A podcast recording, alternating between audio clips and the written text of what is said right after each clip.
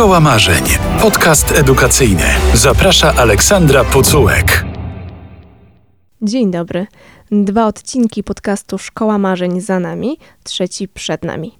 Rozmawialiśmy już o lekcjach wychowania fizycznego, biologii, przyrody, a dziś porozmawiamy o lekcji, która dla niektórych jest lekcją, dla innych jest bardziej przerwą. A chodzi konkretnie o godzinę wychowawczą. Ale nie tylko, bo przy okazji tej lekcji trzeba nawiązać do tematu, który często poruszaliśmy jeszcze kilka miesięcy temu, a teraz trochę znikły, czyli gorszy nastrój, samopoczucie, psychika uczniów. I o tym wszystkim opowie nam dzisiaj Marta Szymczyk, nieszablonowa pedagogzka, prowadząca lekcje wychowawcze i etykę. Dzień dobry. Dzień dobry. Aktualnie jest źle, a nawet tragicznie. Problemów jest tak wiele, że nawet nie wiem od czego zacząć. To jest cytat z Twojej strony facebookowej, nieszablonowa pedagogzka. Tutaj zazwyczaj w tych rozmowach nie narzekamy, ale nie mogę się nie odnieść do tego cytatu i do tych słów. Co konkretnie miałaś na myśli? Co się dzieje w tych szkołach, w Twoich klasach, z Twoimi uczniami, z Twoimi podopiecznymi? Zacznijmy najpierw od tej kondycji psychicznej uczniów.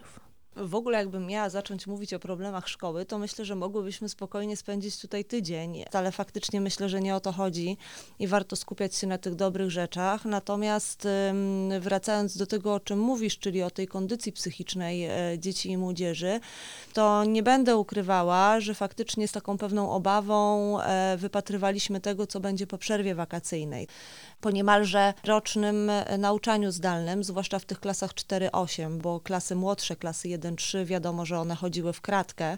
Po ponad dwóch miesiącach jestem w stanie, myślę, że tak oczywiście subiektywnie, bo z własnej perspektywy i z własnego ogródka powiedzieć, ale no bywa ciężko, bo są to dzieci, które odzwyczaiły się od takiego rytmu szkoły, które mają trudności z wdrożeniem się z powrotem w rytm, w pewną rutynę edukacyjną, tak taką szkolną, a do tego wszystkiego no, wypływa jednak bardzo dużo różnych trudności, z którymi się spotykały na co dzień w momencie, kiedy były w izolacji społecznej. Teraz zaczynają na przykład mówić o tym, jakich problemów doświadczały w domu, bo one też się wychowują w różnych domach i musimy o tym pamiętać, że w tych domach jest przemoc, jest alkohol, sporo takich historii przemocowych i tutaj dużo, dużo z przemocą się pracuje teraz. Jakie to są sytuacje? To są takie sytuacje, że w momencie, kiedy przebywali na przykład na edukacji zdalnej, to zaczęły się pojawiać e, na przykład izolowanie z takiej grupy, czyli wyrzucanie siebie nawzajem. To taki, bym powiedziała, sztampowy przykład przemocy psychicznej. A musimy pamiętać o tym, że przemocy psychicznej nie widać tak na pierwszy rzut oka. To było obrażanie się, na przykład, nie wiem, robienie sobie screenów. No wiadomo, no jak jesteśmy w internecie na kamerze, no to jak człowiek mówi, to po prostu w pewnym momencie można go uchwycić taką minę, że zrobienie screena to są właściwie to jest jedna sekunda i wrzucenie tego do sieci, żeby się pośmiać. To są takie sytuacje, właśnie wzajemne nagrywanie się. No i myślę sobie, że jednak to, że rodziny musiały ze sobą być 24 godziny na dobę, to wzmagały się jednak takie sytuacje napięcia i pojawiał się krzyk w najlepszym wypadku. Jak to wszystko, czego doświadczyły te dzieci, teraz się objawia? Bo mam wrażenie, że depresja, fobia społeczna to są dla wielu hasła naukowe, medialne, ale to dotyczy zwykłych dzieci, także Twoją koleżankę, Twojego kolegę. Jak to zauważyć? Jak teraz się zachowują te dzieci? Są nerwowe, to jest myślę, że pierwszy taki objaw, no tak to nazwijmy, ale faktycznie pierwszy taki symptom, który gdzieś powinien nas zaniepokoić.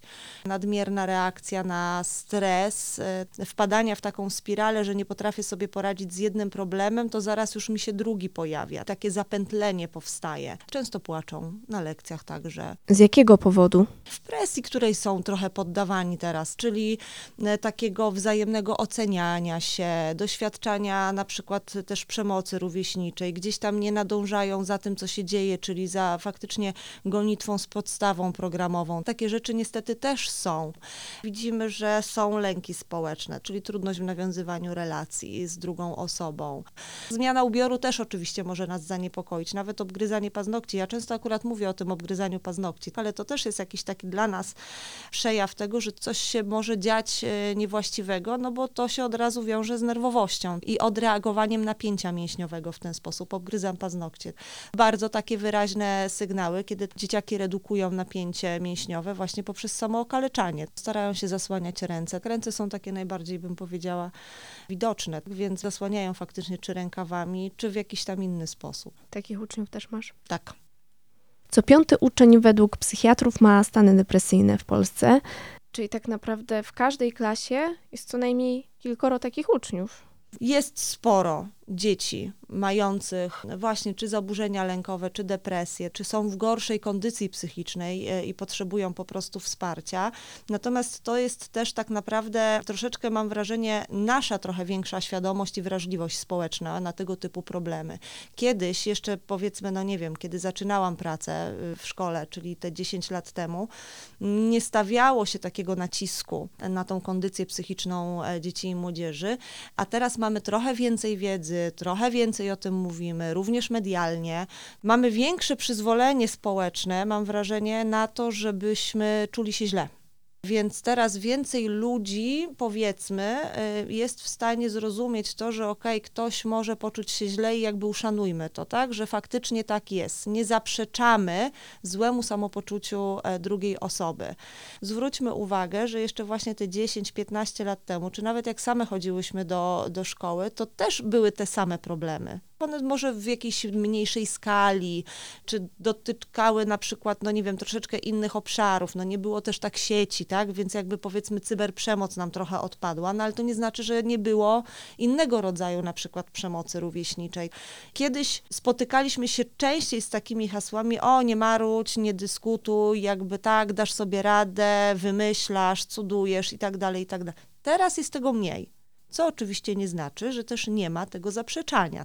Natomiast jest więcej faktycznie takiej przyjaznej postawy. I faktycznie zwracamy uwagę na to, że te dzieciaki nam giną, a ich samopoczucie trochę tak jakby nam przeciekało przez palce. I ważne jest to, żeby właśnie wspierać je i jeżeli znajdziemy takiego ucznia w klasie, zwrócimy na niego uwagę, no to zrobić wszystko, żeby faktycznie mu pomóc. W czerwcu, kiedy dzieci, młodzież wracała do szkoły na moment, w wielu szkołach powiedziano, nie robimy kartkówek, sprawdzianów, klasówek, stawiamy na relacje.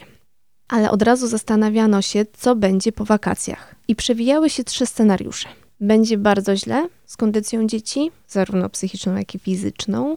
Będzie lepiej, jeśli chodzi o psychikę, albo będzie tak samo jak przed pandemią.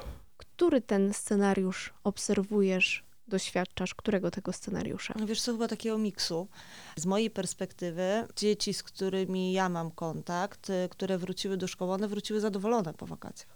One faktycznie były spragnione tych kontaktów, w ogóle też takiego chodzenia do szkoły, bycia ze sobą. E, natomiast kiedy zaczęła się też e, nauka, egzekwowanie tej wiedzy w taki sposób, jaki to było przed koronawirusem, to zaczęły się też pojawiać trudności i problemy. Tak jak powiedziałam wcześniej, no jednak dzieci i młodzież się trochę odzwyczaiła od tego ciągu edukacyjnego, od takiej rutyny, od uczenia się systematycznego. I to też trzeba jasno nazwać, że oczywiście, że część dzieci i młodzieży, która uczyła się zdalnie, po prostu korzystała z tego. No to jest jakby, ludzki organizm działa w ten sposób, że ułatwiamy sobie wszystkie możliwe sytuacje. Jeżeli ktoś miał możliwość tak zwanego ściągania, no to oczywiście to robił. Były dzieciaki, które się przykładały w 100% inne jakby kombinowały, tak to nazwijmy, a jeszcze inne kompletnie się nie odnalazły w systemie edukacji zdalnej i nie potrafiły się zmotywować i zmobilizować. Ja na przykład, jak rozmawiam z dziećmi, z młodzieżą teraz, to dla nich faktycznie z jednej strony edukacja zdalna była o tyle ok, że nie musieli się zrywać rano z łóżka. Myślę, że to jest bardzo dużo, zwłaszcza w okresie dojrzewania, kiedy naprawdę potrzebują trochę więcej snu i te lekcje mogłyby się później zaczynać, że faktycznie wymagania były trochę mniejsze, bo też trudniej było nauczycielom egzekwować tę wiedzę w sposób właściwy. Z kolei jakby powrót do szkół był też dla nich taką nadzieją na to, że ta motywacja z kolei do nauki się zwiększy, że oni będą, nie, nie lubię tego słowa, ale myślę, że ono dobrze zobrazuje pod jednak taką większą kontrolą nauczyciela, który będzie mógł im wytłumaczyć, pokazać palcem, powiedzieć wprost przy tablicy, no to jak ktoś ma pytania, no to widzi też po minach, że na przykład ktoś po prostu czegoś nie rozumie, a na przykład boi się przyznać przed klasą. Więc to, to daje trochę więcej możliwości, ale faktycznie wybiły się z tego rytmu, ciężko im wrócić. Rozmawiałam z interwentem kryzysowym mówił, że część dzieci w trakcie lekcji zdalnych lepiej się czuła ze względu na to, że właśnie nie musiała spotykać się, pokazywać na żywo. Można było wyłączyć kamerkę w każdej chwili. Przewidywał, że ta grupa dzieci, kiedy wróci do szkoły, to ich stan znacznie się pogorszy. To będzie taki przeskok dla nich. Miałaś takich uczniów? Grupa uczniów, która prezentowała taką postawę bardziej introwertyczną, to my wiedzieliśmy już przed edukacją zdalną, że te dzieciaki są faktycznie. I podczas edukacji zdalnej na niektórych z nich, zdecydowaną większość jednak, faktycznie ta edukacja zdalna wpłynęła bardzo pozytywnie. E, mieli możliwość takiej większej aktywności, udziału bez stresu. Ja to powiem szczerze, że nawet widzę po swojej córce, która też jest uczennicą aktualnie trzeciej klasy szkoły podstawowej, więc ten okres edukacji zdalnej na jej drugą klasę gdzieś tam się przełożył. Powiem, jak to wygląda po prostu u mojej córki, która jest e, raczej dzieckiem takim spokojnym, wyciszonym. Widzę, jak ona rozkwitła bardzo przy tej edukacji zdalnej, bo i zabierała głos, nawet doszło do tego, że przygotowała dla innych dzieci lekcje o zwierzętach, więc w ogóle to był totalny szok. I widzę z kolei, jak ona teraz wróciła do szkoły, że u niej to się nie cofnęło. Ona jest dalej taka aktywna i nie ma stresu e, związanego z tym, że się odzywa na forum klasy i tak dalej. Myślę sobie, że to jest bardzo duża praca wychowawcza jednak. Natomiast czy ja to obserwuję jeszcze tak u innych dzieci?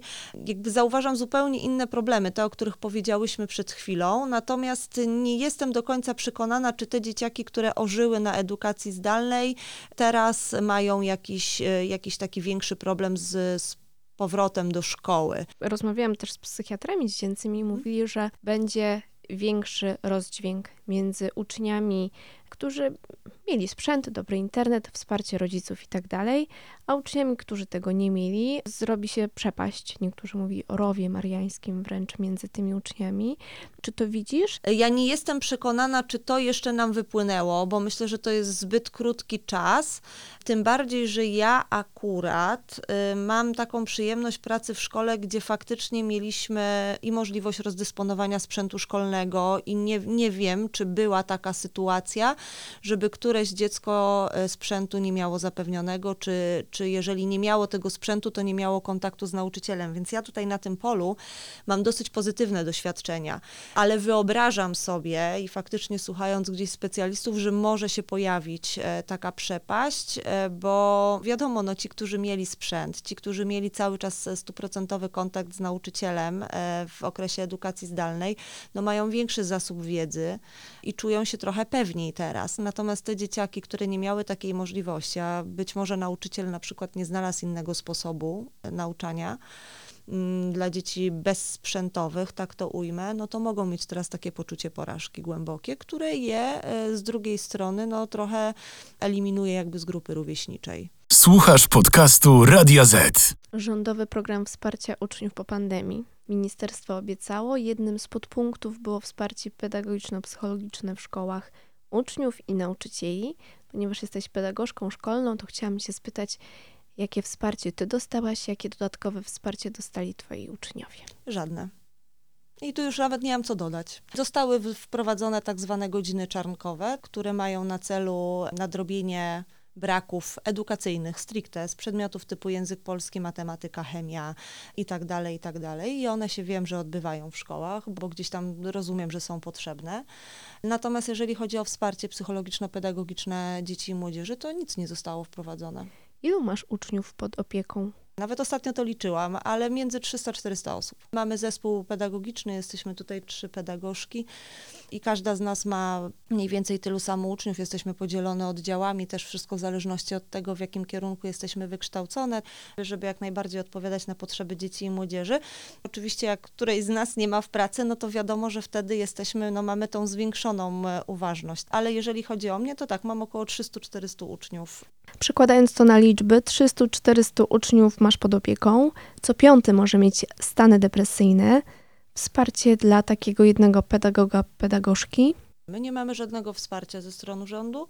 Cóż, no jesteśmy w tym i musimy sobie radzić. To, co ja zauważam na przykład e, faktycznie po, po dziesięcioletnim doświadczeniu zawodowym, problemów jest mnóstwo teraz. Mnóstwo.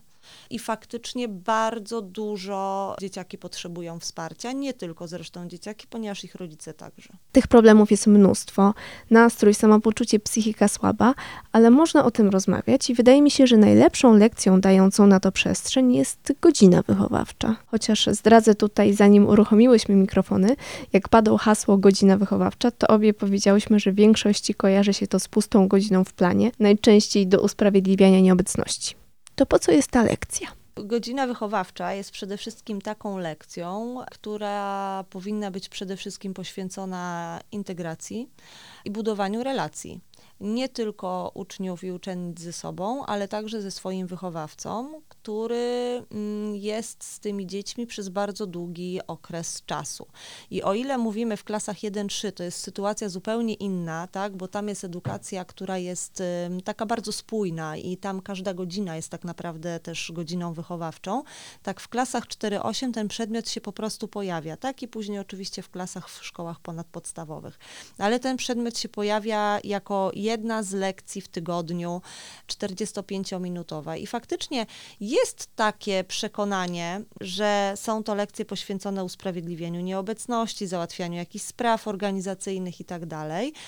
A nie temu, żeby się ze sobą integrować, żeby się poznawać, żeby być może dyskutować na różne trudne tematy, bo w ten sposób też się poznajemy, żeby właśnie omawiać statut szkolny, prawa, obowiązki, tak, żeby, nie wiem, zastanowić się nad wspólnym tworzeniem czy przestrzeni klasowej, czy może zrobieniem jakiegoś projektu. Ja wychodzę z założenia, że godzina wychowawcza, owszem, to jest 45 minut w tygodniu, tylko pytanie, czy na pewno. Tak naprawdę każda godzina lekcyjna powinna być lekcją wychowawczą na której możemy przekazywać y, czy określone wartości, czy mówić o różnych rzeczach, tak? Bo nikt nie mówi, że na języku polskim nie możemy poruszać na przykład różnych kwestii społecznych przy omawianiu powiedzmy lektury, tak? To też w jakiś sposób nas wychowuje, bo uczymy się opiniowania, argumentowania, wyrabiania własnego stanowiska i przede wszystkim też szacunku do tego, że możemy mieć różne zdanie, bo tak mamy prawo do tego, żeby mieć różne opinie na różne tematy. To ja będę tą drugą stroną trochę, żeby nie było tak nudno. Od jednej nauczycielki kiedyś usłyszałam, ale kiedy ja mam to robić? Z moją klasą mam tylko godzinę i drugą godzinę właśnie wychowawczą i ustawia mi się cała kolejka z usprawiedliwieniami, z jakimiś pytaniami i schodzi mi na to cała godzina. To jest kwestia umowy pomiędzy nauczycielem, nauczycielką, a uczniami, uczennicami. W jaki sposób na przykład będziemy e, usprawiedliwiać nieobecności? Co za problem, żeby na przykład, nie wiem, e, ustalić na początku roku szkolnego, że słuchajcie, nie przynosicie mi na przykład karteczek, tylko rodzice mi usprawiedliwiają coś tam w Librusie, albo na przykład robimy sobie raz w miesiącu, jedną godzinę poświęcamy na to, a resztę poświęcamy na inne rzeczy. To jest kwestia umowy. Niczego więcej. Jeżeli tego sobie na początku roku szkolnego nie zorganizujemy, no to tak, później te godziny wychowawcze będą wyglądały w ten sposób. Natomiast jeżeli ustalimy to na początku, przedyskutujemy, jaka forma byłaby dla nas najlepsza, która będzie też oczywiście zgodna z przepisami obowiązującymi w szkole, tak? Bo na przykład usprawiedliwianie nieobecności również jest określone ściśle, w jaki sposób ma to przebiegać. Natomiast to jest tak jak powiedziałam, jeszcze raz podkreślę, kwestia umowy pomiędzy nauczycielem a dzieckiem. Jak wyglądają Twoje lekcje wychowawcze? Bo też w nich uczestniczysz, czasem je prowadzisz. Y, jakby rola pedagoga często się sprowadza do tego, że faktycznie jest gdzieś tam wzywany w momencie, żeby rozstrzygnąć jakiś problem, który się powiedzmy pojawił, tak, przegadać z klasą jakąś, jakąś taką sytuację. Faktycznie uczestniczę, z racji tego, że jestem akurat pedagogiem zajmującym się głównie edukacją wczesnoszkolną, dzieciakami z klas 1-3, no to tam mogę zupełnie inaczej powiedzieć, tak, bo te lekcje, jak jestem też, czy współorganizuję warsztaty z wychowawczyniami na przykład, to wtedy zupełnie jakby inaczej to wygląda. Faktycznie są ciekawe rzeczy. Rozmawiamy o empatii, o komunikacji, też o przemocy rówieśniczej i sposobach jej przeciwdziałania. I można to robić w fantastyczny sposób. Jaki? Ja w ogóle wychodzę z założenia, jak mówimy o godzinach wychowawczych, to w ogóle nie musi się odbywać w klasie. Można skorzystać z przestrzeni szkolnej, którą się ma. To może być, nie wiem, można pójść na salę gimnastyczną, do biblioteki, można zrobić coś na korytarzu. Można przecież zrobić jakiś super happening z uczniami, bo na przykład pojawił się jakiś problem w klasie, to zróbmy tak, tak, żeby pokazać innym, że jest to problem, być może jakiś większy i może ktoś sobie z tego coś wyciągnie. Możemy zrobić sobie spacer wokół jakiejś problematyki. Powiedzmy, nie wiem, pojawia się problem z tym, że, że na przykład robiły się grupki w klasie. No to zróbmy sobie piknik. Po prostu pobądźmy ze sobą, czy wspólne śniadanie na przykład. O, ostatnio miałam właśnie taką okazję uczestniczenia w klasie trzeciej. E, Koleżanka z dziećmi miała śniadanie. Po prostu jedli śniadanie razem. Poprzynosiły sobie produkty, dzieciaki w międzyczasie e, miały też przygotować jakieś informacje o tych produktach, półproduktach, tak, że na przykład witamina A, B, C i, i oni po prostu siedzieli przy ławkach złączonych i jedli razem śniadanie. To było cudowne doświadczenie bo to jest prawdziwie integrujące, pokazujące, że można być ze sobą razem, że można stworzyć coś fajnego, ciekawego, coś, co nas wzmocni. Uczniowie powiedzą, że mają zaraz klasówkę i chcą się uczyć na tej godzinie. Jak powinien odpowiedzieć wychowawca? Zadałabym pytanie, tak jak duża grupa to jest osób i czy faktycznie, jeżeli mają taką potrzebę, to też nie widzę powodu wciskania im na siłę tematu, którym nie są zainteresowani. Jeżeli się pojawia raz na jakiś czas taka sytuacja, że faktycznie chcą się poduczyć do klasówki, że te 45 minut będzie dla nich cenne, jeżeli nauczyciel na to się zgodzi, to znaczy, że też ma w sobie taką gotowość do odpowiadania na potrzeby, które się pojawiają. No bo jeżeli jest to taka potrzeba, słuchaj, no czasem my też potrzebujemy chwili do tego, żeby coś tam doczytać, do czegoś się przygotować i fajnie, jeżeli ktoś tę naszą potrzebę czy wolę uszanuje. Więc myślę sobie, że tutaj, jeżeli byłaby to znacząca większość, to pewnie, czemu nie? Słuchasz podcastu Radia Z. O czym uczniowie chcą rozmawiać na lekcjach wychowawczych? Oj, o wielu tematach. Ja też mam taki sposób, y, czy na swoich lekcjach, czy na przykład podrzucam, bo ja też w ogóle prowadzę y, szkolenia dla nauczycieli o tym, jak prowadzić właśnie godziny wychowawcze, y, żeby one były ciekawe, ale na przykład podrzucam im i to jest, wiesz, też taki efekt edukacji zdalnej. Jest mnóstwo aplikacji, w których dzieciaki mogą się na przykład wyrazić anonimowo, o czym chcą rozmawiać. I dzieciaki na przykład mogą sobie z telefonu wysłać do mnie i widzimy na przykład na tablicy tematy, które chcemy poruszać. I, i takie rzeczy już robiłam mnóstwo razy i to są e, no, różne tematy. To jest na przykład wszystko to, co się aktualnie dzieje. Naprawdę dzieci są bardzo świadome tego, co się dzieje w kraju i chcą o tym rozmawiać. Pojawia się właśnie dużo kwestii związanych ze zdrowiem psychicznym, ale też pasje. To jest też w ogóle fajny temat taki do, do pracowania na godzinie wychowawczej, pasja. I ja też robię na przykład na swoich zajęciach takie wywiady z dziećmi i młodzieżą. To znaczy, że każdy, kto ma jakąś pasję, zainteresowanie, hobby, albo robi coś nietypowego, ciekawego, czy dla siebie ważnego po prostu, może przynieść element związany z tą daną pasją, powiedzmy ludzika Lego, tak, bo, bo pasjonuje się klockami Lego, czy jakieś tam, nie wiem, książka powiedzmy o Harrym Potterze, no teraz tak wymyślam na szybko, ale potem siada taki ktoś i opowiada o tej swojej pasji, a my jako słuchacze i słuchaczki, możemy potem zadać pytanie. I to jest niesamowicie wzmacniające z kolei, buduje takie poczucie własnej wartości. Na tym też powinny się skupiać godziny wychowawczej, żeby wzmacniać dzieci. To jest bardzo ważne. A o czym nie chcą rozmawiać? A nie wiem, czy są takie tematy, o których nie chcą rozmawiać. Nawet ostatnio się spytali mnie, czy będziemy rozmawiać o polityce. I ja mówię, słuchajcie, no jak macie taką potrzebę, to pewnie. I wiem, że w toku gdzieś tam tej rozmowy spotkałam się z takim, że przecież nauczyciele nie mogą rozmawiać o polityce. I powiedziałam, że absolutnie nie. To nie jest tak, że my nie możemy rozmawiać o polityce. My nie możemy przekonywać was do naszych poglądów, do naszych spostrzeżeń na świat. Ale to nie znaczy, że nie możemy rozmawiać o polityce w ogóle. No to bardzo świadomych uczniów. Bardzo. Naprawdę, powiem szczerze, że niektórzy są niesamowicie świadomi i mają różne opinie na świat. O kryzysie uchodźczym, o zmianach klimatycznych. To są takie rzeczy, to są polityczne rzeczy. One mają też świadomość tego, że nic nie jest oderwane. Jeżeli żyjemy w kraju, w którym tworzymy prawo, za pomocą rąk polityków, to znaczy, że wszystko jest polityczne i nie da się oderwać jednego od drugiego. Oczywiście nie możemy przekonywać, tak jak podkreśliłam, i ja tego zresztą nigdy nie robię, do tego, jakie ja mam opinie, poglądy, sądy i tak dalej. Natomiast zawsze podkreślam, że mają prawo się różnić, tylko żeby robili to z szacunkiem. Prowadzisz szkolenia z nauczycielami, mhm. to co oni z kolei mówią, bo słyszałam od jednej nauczycielki, że Wolę nie poruszać tych tematów, bo ja już nie wiem. Powiem coś, to zaraz się znajdzie na Facebooku, gdzieś tam zawieszą mnie i tak dalej.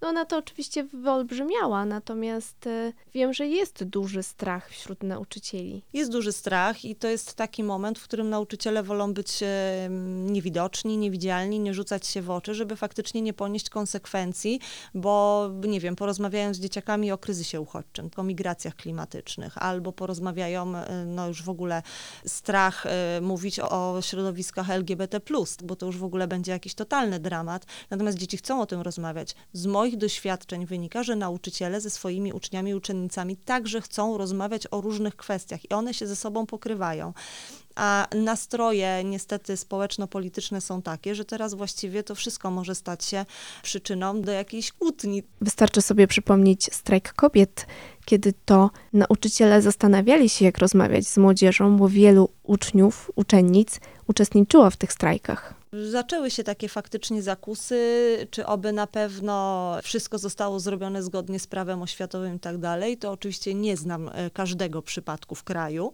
ale naprawdę przepisy prawa oświatowego mamy na tyle elastyczne, e, że można naprawdę rozmawiać o wszystkim. Zresztą, wiesz, ja sobie nawet nie wyobrażam takiej sytuacji, że dziecko zadaje mi pytanie, a ja mu na to pytanie na przykład nie odpowiadam albo nie wchodzę z nim w dyskusję, tylko dlatego, że się stresuję, że ktoś coś zaraz mnie tu gdzieś wyśledzi i tak dalej. Nie. Dzieci mają prawo zadawać pytania, a naszym obowiązkiem jest na to pytanie odpowiadać. No chyba, że nie znamy odpowiedzi, to wtedy mówimy, słuchaj, nie wiem, po prostu nie wiem, tak, ale się dowiem i możemy wrócić do tematu. Ja nie znam odpowiedzi na każde pytanie na świecie i czasem brakuje mi wiedzy z jakiegoś zakresu bardzo specjalistycznego. No i nie muszę wiedzieć. Mam w sobie taką gotowość i akceptację do tego, że czegoś po prostu mogę nie wiedzieć, że uczeń może być w jakimś temacie ode mnie mądrzejszy. Ma do tego prawo. Tak, dzieci czasem są mądrzejsze od dorosłych dorosłych. Nawet bardzo często. O! tak. Mówiąc o tej sytuacji, o której mówisz, że dzieciaki gdzieś tam na przykład chociażby te awatary słynne z błyskawicą sobie gdzieś zakładały i okej, okay, dla mnie taka sytuacja byłaby jasnym komunikatem, że potrzebuję o tym porozmawiać. Przegadajmy ten temat. Dlaczego tak się dzieje? O co chodzi? Co możemy z tym zrobić jako uczniowie i uczennice? Czy warto się w to angażować, czy nie warto? I tak dalej, i tak dalej. Dla mnie byłby to sygnał do dyskusji. Na swojej stronie Nieszablonowa Pedagogzka wiele miejsca poświęcasz prawom i obowiązkom uczniów i poruszasz też temat statutów, także na lekcjach. Ja sobie w tym roku szkolnym założyłam taki projekt swój, e, oczywiście nie jakiś oficjalny, tak, ale tak sobie wymyśliłam, że faktycznie podczas zajęć etyki, czy w ogóle różnych spotkań z uczniami, rozmawiam na temat statutów szkolnych. W tych statutach szkolnych są zapisy między innymi dotyczące praw i obowiązków dzieci i młodzieży. I to, co mnie tak naprawdę, tak jak wynika z moich obserwacji, no, poraziło, bo dzieciaki nawet część nie wiedziała, że w ogóle coś takiego jak statut istnieje. Fakty są takie, że jest to najważniejszy dokument szkolny, który dobrze byłoby znać i on ma chronić nauczycieli, nauczycielki, ale także uczniów i uczennice. To jest taki dokument, który jest naszym jakby narzędziem do egzekwowania praw czy obowiązków. Tam jest bardzo dużo różnych zapisów, ale faktycznie te prawa i obowiązki są. I teraz się uśmiecham, jak to mówię, ale faktycznie jest tak, że no niestety, ale tych statutów szkolnych nie znamy.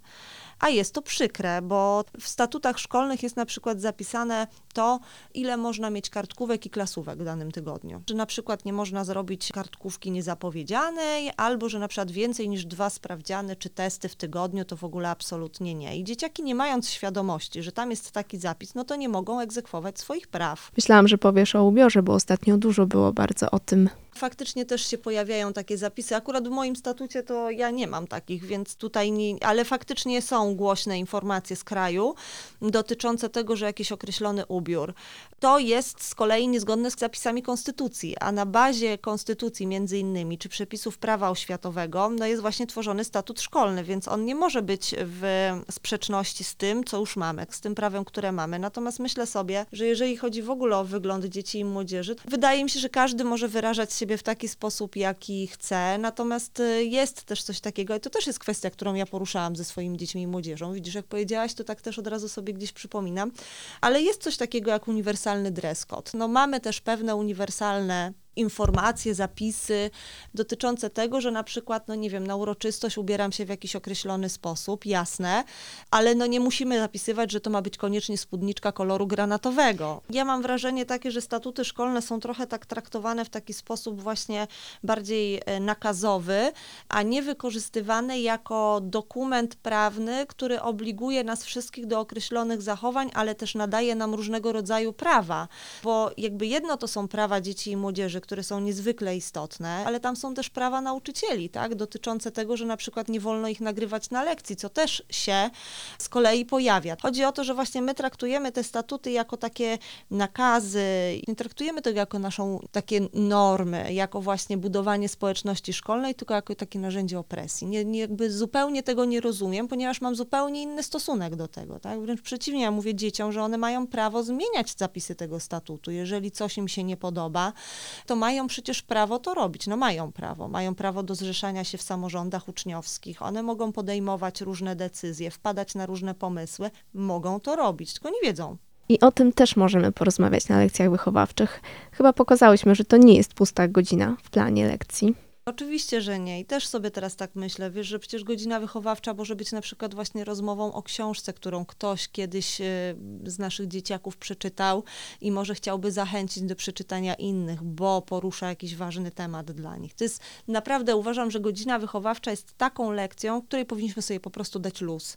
Dać luz, podążać za sobą nawzajem, zobaczyć, co nas interesuje, co nie. Właśnie zrobić taki research w ogóle na samym początku. Właśnie czy skorzystaniem z tych aplikacji, czy nawet możemy sobie, wiesz, zrobić taki słoiczek, do którego wrzucimy tematy i będziemy sobie losować je na bieżąco. Okej, okay, do to dzisiaj wylosowaliśmy na przykład temat studniówka, powiedzmy. Teraz tak przychodzi mi do głowy, no to organizujemy studniówkę, zastanawiamy się na przykład nad jej przebiegiem i tak dalej. Albo możemy nawet wspólnie obejrzeć film, który potem będzie z kolei przyczyną do naszej dyskusji. Powiedziałyśmy o uczniach, ale chciałabym, żeby powiedzieć jeszcze o rodzicach, którzy często mówią: dobrze, nie idź na tę godzinę, usprawiedliwi ci to, poucz się czegoś pożytecznego. To dobrze, że rodzic daje taki luz, taką przestrzeń? A jak myślisz? Nie, to jest, wiesz, tak, tak teraz e, zbywam pytaniem, czy to dobrze, czy niedobrze. Znaczy ja uważam, że nie do końca dobrze, natomiast myślę, że warto się zastanowić, z czego to wynika. No bo jeżeli te lekcje wychowawcze nie są dobre jakościowo, no to gdzieś pojawia się w rodzicach, a to lepiej, jak tam spożytkujesz ten czas bardziej pożytecznie i tak dalej. Natomiast jeżeli my rozmawiamy o lekcjach wychowawczych, o godzinach wychowawczych, które są prowadzone w sposób ciekawy, to po pierwsze nie pojawia się taka potrzeba ze strony dziecka, żeby nie brać w nich udziału, to jest pierwsza sprawa, a druga sprawa jest taka, że wtedy warto być może z rodzicem porozmawiać i przedstawić mu korzyści wynikające z tego, że dziecko ma możliwość swobodnego przebywania ze swoimi rówieśnikami i rówieśniczkami i, yy, i porozmawiania o tym, co jest dla nich ważne właśnie, takiego zintegrowania się wzajemnego. Zatrzymało mnie takie zdanie, które napisałaś. Jako rodzice mamy prawo nie wiedzieć, jak wychowywać własne dzieci, bo nikt nas tego nie nauczył. Mamy takie przeświadczenie, że jeżeli ktoś jest rodzicem, to wszystko wie. No A nie, już matka nie. to już w ogóle. A matka to już w ogóle, tak w Polsce właśnie. Już cały w Polsce czas matka to tak. Nie, no słuchaj, tak zupełnie poważnie mówiąc, tak, ja często powtarzam, e, mam dwa takie swoje hasełka, ale często faktycznie powtarzam, no to jest prawda, no przecież rodziców, znaczy nas nikt nie uczył w szkole tego, w jaki sposób mamy wychowywać własne dzieci. I ja na przykład jak rozmawiam z koleżankami, kolegami, czy w ogóle ze znajomymi, tak po prostu, i mówię o tym, że ja mam taką trochę przewagę, bo skończyłam studia kierunkowe i trochę więcej o tym wychowaniu wiem, ale to nie znaczy, że wiem wszystko. Ja na przykład też popełniam błędy i my mamy prawo do popełniania tych błędów. Nie musimy być alfą i omegą i naprawdę czasem, jak czegoś nie wiemy, to warto pójść do specjalisty i się zwyczajnie dopytać, czy oby na pewno dobrze robię, co powinnam, czego nie powinnam. Nas w szkołach też nie uczono, w jaki sposób rozmawiać z drugim człowiekiem, żeby jasno zakomunikować swoje potrzeby, ale też, żeby wsłuchać się w potrzeby innej osoby. Nie uczono nas asertywności, wyznaczania granic. My teraz tego uczymy, bo być może dostrzegamy te braki. Teraz to się dopiero zaczyna dziać. Bo zwróć uwagę, no nawet jakbyśmy miały się cofnąć do swoich czasów szkolnych, a jesteśmy powiedzmy no w takim wieku, w którym e, to jest moment, że, że faktycznie ludzie gdzieś decydują się na dzieci, albo już mają dzieci, albo już świadomie wiedzą, że nie chcą tych dzieci mieć, nieważne, ale mówimy teraz o rodzicach, to mówiono w twojej szkole o psychologii rozwoju dziecka na przykład, o tym w jaki sposób na przykład z tym dzieckiem warto rozmawiać. Nie, bazujemy często na własnych doświadczeniach, jak my byliśmy wychowywani, co nam się podobało albo co nam się nie podobało, w związku z tym tego unikamy. Czasem nie mamy takiej świadomości, więc powielamy pewne schematy niewłaściwe i, i to jest bardzo ważne, żeby rodziców też uczyć tego, w jaki sposób właśnie budować relacje ze swoim dzieckiem, jak reagować na jego emocje, jak się z nim komunikować i takie rzeczy też robię. Według jednych badań polscy rodzice są jedynymi z najbardziej wypalonych i sfrustrowanych w Europie. Wydaje mi się, że to chyba chodzi o to, że nie dają sobie przyzwolenia na błąd. W ogóle widzę coś takiego w społeczeństwie, że my właśnie nie dajemy sobie przyzwolenia na niewiedzę, i nie dajemy sobie przyzwolenia na popełnianie błędów. Jest taki perfekcjonizm gdzieś panujący, a w związku z tym jest frustracja. Jeżeli rzeczy nie dzieją się po naszej myśli, jeżeli czegoś nie robimy właściwie, idealnie, tak jakbyśmy chcieli. I ja bym tu bardzo apelowała właśnie o to, żeby zadbać o siebie i o taki swój komfort psychiczny, żeby właśnie nie musieć dążyć e, do jakiegoś. Um, wyimaginowanego ideału, którego tak naprawdę i tak prawdopodobnie nigdy nie osiągniemy, co oczywiście nie oznacza, że też mamy się nie rozwijać, wręcz przeciwnie, ale mieć świadomość swoich mocnych stron, ale też tych słabych stron, nad którymi warto popracować. Można skorzystać na przykład ze wsparcia psychologa, a cały czas gdzieś jest taki mit, mam wrażenie, że, że to niekoniecznie do psychologa, to jak? Jeszcze dziecko to tak, ale dorosły... Kilka lat temu rozmawiałam z jedną psycholożką. Powiedziała mi coś takiego, że dobrym pomysłem byłoby założenie szkół dla rodziców. Trochę złapałam się za głowę, ale powiedziała potem takie słowa, w które uwierzyłam. To znaczy, że to, że ktoś ma dziecko, to nie znaczy, że nadaje się do tego, żeby być rodzicem. Nikt nas nie uczył, jak rodzicem być, w związku z czym takie szkoły jak najbardziej, oczywiście, że tak. To jest taki trochę temat obok, ale też y, bardzo pokazujący pewne rzeczy, a mianowicie zobacz sposób kształcenia nauczycieli przedmiotowców. Oni e, są wykształceni kierunkowo, czyli na przykład, nie wiem, po polonistyce, po matematyce i tak dalej, potem idą do szkoły, ale oni nie mają w ogóle kompetencji takich wychowawczych, bo tego się ich nie uczy na tych studiach. No i dokładnie to samo jest właśnie z rodzicem. No i też, muszę to powiedzieć, nie chciałabym generalizować, więc biorę to w cudzysłów, ale jest też jakaś taka grupa rodziców, którzy uważają swoje dzieci za własność. To znaczy, że mogą z tym dzieckiem właściwie robić co chcą, podejmować takie decyzje, które gdzieś tam nie uwzględniają um, zdania dziecka, a ja jestem osobą, która będzie stała na stanowisku, że dziecko nie jest własnością. Dziecko jest odrębnym bytem, który ma swoje potrzeby, które ma prawo decydować o swoim życiu. Oczywiście no też nie we wszystkich kwestiach, tak, nie przesadzajmy, ale są takie obszary, w których naprawdę może podejmować decyzje, a rodzic powinien to uszanować. O tym też można porozmawiać na lekcjach wychowawczych i wydaje mi się, że po tym dziwnym roku szkolnym, po nauce zdalnej, ta godzina jest szczególnie potrzebna. Myślę, że tak, zwłaszcza po tym trudnym doświadczeniu dla nas wszystkich, i dla dużych, i dla małych, dla dorosłych, dla dzieci, dla młodzieży, e, kiedy koronawirus myślę, że bardzo wielu rzeczy trudnych nam dostarczył. Dostarcza. I dostarcza cały czas. I w momencie, kiedy budzimy się powoli gdzieś tam, bo, bo ta sytuacja zaczyna się, nie wiem jak teraz, tak, ale ona zacznie się kiedyś normalizować. Nie będzie być może tak, jak było kiedyś, ale jednak zacznie się to normalizować i teraz co jak co, ale naprawdę najbardziej na świecie potrzebujemy siebie nawzajem, dobrych siebie dla siebie. Przy okazji rozmowy o lekcjach wychowawczych to będzie idealna puenta. Bardzo Ci dziękuję za to, że przyszłaś za rozmowę. Dziękuję bardzo. Szkoła Marzeń wraca już w grudniu, a więcej naszych podcastów można znaleźć na player radioz.pl i na Spotify. Do usłyszenia. Szkoła Marzeń. Podcast edukacyjny. Więcej podcastów na player.